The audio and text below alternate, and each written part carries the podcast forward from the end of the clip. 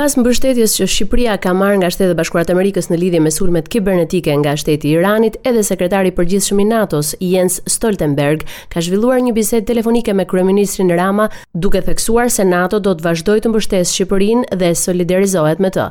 Kujtojmë që pas hetimeve Shqipëria ndërpreu marrëdhëniet diplomatike me Iranin.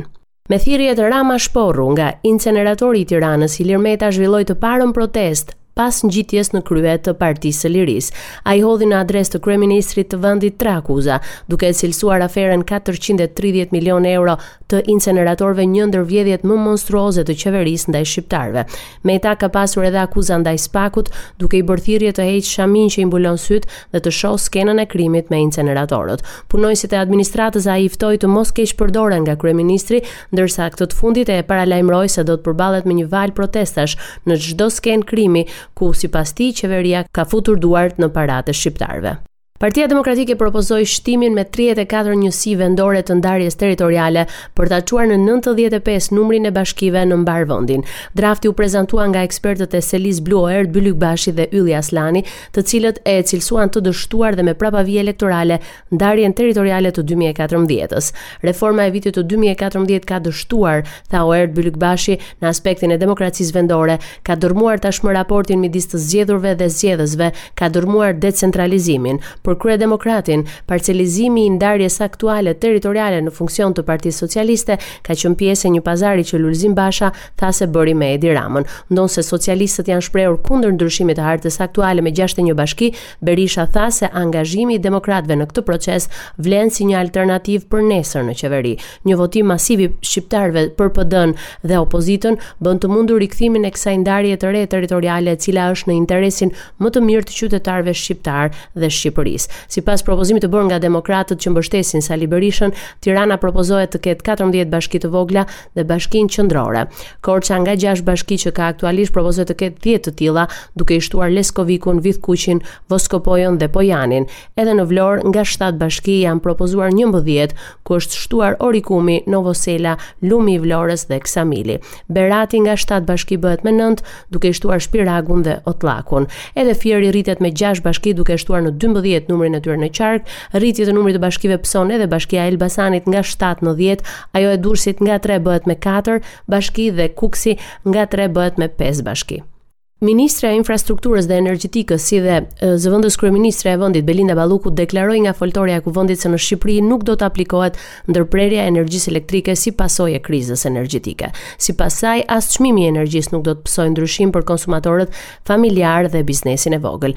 Ajo njoftoi gjithashtu se qeveria ka nisur një fushatë të efiçencës së energjisë, duke u përgjigjur në këtë mënyrë edhe deklaratave të opozitës se 40% e qytetarëve nuk paguajnë dot energjinë. Pas peticionit të dërguar më 30 gusht 2022 qeverisë për rritjen e pagave, pedagogët e Universitetit të Tiranës, sindikata e tyre dhe pedagogë nga rrethet janë mbledhur në një protestë. Ndër nëntë kërkesat kryesore, rritja e pagave për pedagogët dhe stafin mbështetës akademik mbetet kryesorja sipas tyre. Ata theksuan se është e padrejtë që pedagogët nuk kanë pësuar rritje rroge që nga 2005-a dhe kanë dërguar edhe kërkesa në vazhdimësi. Ndër të tjera, kërkojnë që qeveria t'i përfshijë në paketën e ndihmës për të përballuar çmimet e rritura si pasojë e krizës. Përfaqësuesit e pedagogëve shprehen se nëse nuk marrin zgjidhje, do të bojkotojnë mësimin më datë 17 tetor. Në fund të protestës, përfaqësuesit e pedagogëve i kanë lënë afat qeverisë deri në 5 tetor për plotësimin e kërkesave të tyre, në të kundërt do të vijojnë këto protesta. Pas raportit të inteligjencës amerikane që në vitin 2017 Partia Demokratike ka përfituar financime ruse, ka reaguar dhe ish-kryedemokrati Lulzim Basha. Në një reagim në Twitter, Basha thotë se Partia Demokratike kur drejtohej prej tij nuk ka marrë asnjë përfitim të huaj. Raporti i inteligjencës amerikane thotë se Rusia i ka dërguar në mënyrë të fshehtë të paktën 300 milionë dollarë partive të huaja politike dhe kandidatëve në dhjetëra vende që nga dy mijë e katërmbëdhjeta në një përpjekje për të fituar ndikim. Ky raport i deklasifikuar nuk jep hollësi për vende specifike, por një burim i administratës amerikane i njohur me gjetjet pretendon se Rusia shpenzoi rreth pesëqind mijë dollarë për të mbështetur Partinë Demokratike të qendrës së djathtë në Shqipëri në zgjedhjet e dy mijë e shtatëmbëdhjetës dhe gjithashtu financoi partitë ose kandidatët në Bosnjë, Mal të Zi dhe Madagaskar. Njëkohësisht me nisjen e vitit të ri shkollor ka nisur edhe Kongresi i Arsimit në vend. Nga foltorja, kryeministri Rama në fjalën e tij tha. Maqedonia e Veriut tani më e ka aprovuar në parim.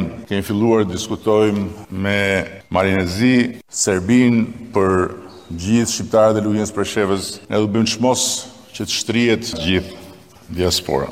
E mbase është koha për ta diskutuar futjen e gjuhës shqipe në çdo nivel të arsimimit. Ne shpresojmë shumë që përmes lobimit politik të bindim Bashkimin Europian që ta përfshijë edhe sistemin universitar të vendeve tona në sistemin universitar europian. Ministrja e Arsimit foli për politika që synojnë të ndalin hemorragjinë e largimit të të rinjve nga vendi duke i dhënë prioritet arsimimit të tyre në Shqipëri, ndërsa mbështetjen për të rinjtë ka dhënë edhe në emër të Shteteve të Bashkuara të Amerikës ambasadorja amerikane Yuri Kim, e cila ishte e ftuar në Kongresin e Arsimit. Raporton nga Tirana për Radio SBS Gerta Heta.